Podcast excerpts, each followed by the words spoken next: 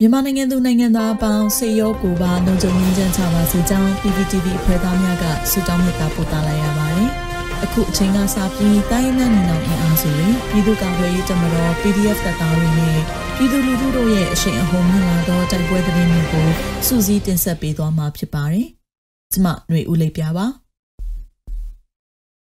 ပထမဆုံးအနေနဲ့ KNU တပ်မဟာ1တထုံခရိုင်အတွင်းစစ်ကောင်စီတပ်ဖွဲ့ကို KNL က3ချိန် မိုင်းဆွဲတိုက်ခိုက်ပြီးစစ်သားကိုဦးတေဆုံးက12ဦးဒဏ်ရာရတဲ့တဲ့တင်တင်ဆက်မှာပါကရင်မျိုးသားစီယုံ KNU တပ်မဟာ1နယ်မြေတထုံမြို့နယ်အတွင်းဒီဇင်ဘာလ29ရက်နဲ့30ရက်တွင်စစ်ကောင်စီတပ်ဖွဲ့ကို KNL က3ကြိမ်မိုင်းဆွဲတိုက်ခိုက်ခဲ့ပြီးစစ်ကောင်စီတပ်မှ9ဦးသေဆုံးက12ဦးဒဏ်ရာရကြောင်း KNU ကသတင်းထုတ်ပြန်ပါတယ်တထုံမြို့နယ်မော်ကလိုကြီးရွာအနီးတွင်ဒီဇင်ဘာလ29ရက်မွန်းလွဲ2နာရီ32မိနစ်၌ ကရင်မျိုးသားလူမျိုးရေးတမတော် KNL ကမိုင်းဆွဲတိုက်ခိုက်ရာစစ်သား2ဦးသေဆုံးပြီး3ဦးဒဏ်ရာရကြောင်းဒီဇင်ဘာ30ရက်နေ့တွင်လည်းမင်းလွင်ကျေးနယ်အုပ်စုဝမ်ဘဲအင်းတောင်ချေတွင်ထပ်မံမိုင်းဆွဲတိုက်ခိုက်ရာစစ်သား4ဦးသေဆုံးပြီး4ဦးဒဏ်ရာရကြောင်းဘီလင်းမြို့နယ်နိုဘယ်ဘောကျေးနယ်အုပ်စုလေးခော့ထကျေးရွာအနီးတွင်လည်း KNL က မိုင်းဆွဲတိုက်ခိုက်လို့နယ်မြေစိုးမိုးရန်လာသောစစ်ကောင်စီတပ်သား3ဦးသေဆုံးပြီး9ဦးဒဏ်ရာရခဲ့တယ်ဟု KNU ထုတ်ပြန်ချက်တွင်ရေးသားဖော်ပြထားပါတယ်။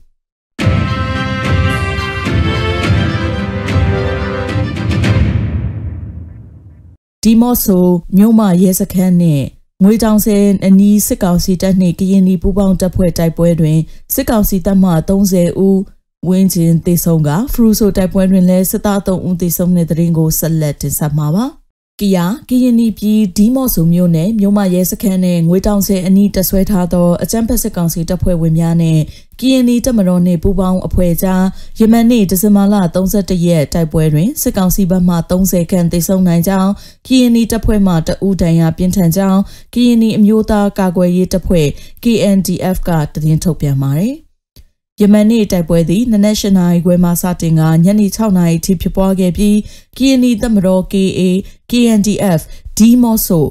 လွိုက်ကော PDF များအလဲပိုင်းတိုင်းအထူးစစ်စင်ရေးအဖွဲ့ KGZ အဖွဲ့များကပူးပေါင်းတိုက်ခိုက်ခဲ့ခြင်းဖြစ်ပြီးငွေတောင်ဆယ်အနီးပြည်အောင်ရတနာစီဆိုင်အဆောက်အဦတွင်တဆွဲထားသောစစ်ကောင်စီတပ်ကိုပိတ်ဆို့တိုက်ခိုက်ရာအထိနာသောစစ်ကောင်စီတပ်သည်ဂျက်လီရင်များဖြစ်မှလေကြောင်းမှတဆင့်ပစ်ခတ်တိုက်ခိုက်ခဲ့တာပါ။ ရင်းအပြင်ဖရူဆိုမြို့နယ်ထီတော်တနီကျေးရွာနှင့်လောတော်တနောရွာအနီးဒီဇင်ဘာ31ရက်နေ့တွင်မွန်လယ်12နာရီတွင်အချမ်းဖတ်စစ်ကောင်စီတပ်များကိုကရင်နီတပ်မတော် KA နှင့် KNDF တို့မှတိုက်ခိုက်ခဲ့ပြီးတိုက်ပွဲမှာ3နာရီခန့်ကြာမြင့်ခဲ့က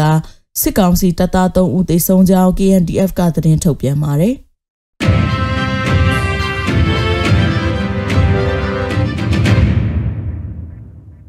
နောက်ဆုံးအနေနဲ့အမျိုးသားညီညွတ်ရေးအစိုးရပြည်ထရေးနဲ့လူဝင်မှုကြီးကြပ်ရေးဝန်ကြီးဌာနက2022ခုဇန်နဝါရီလတရက်ရက်စွဲနဲ့ထုတ်ပြန်တဲ့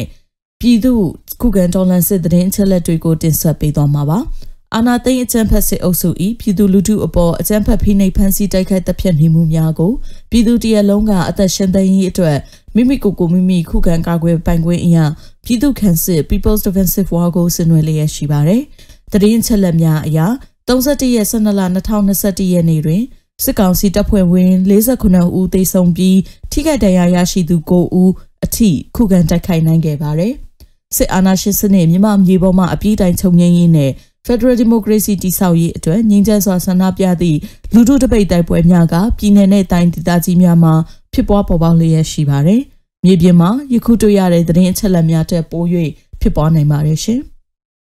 Yeah, oh, oh, oh, yeah, me. 闇。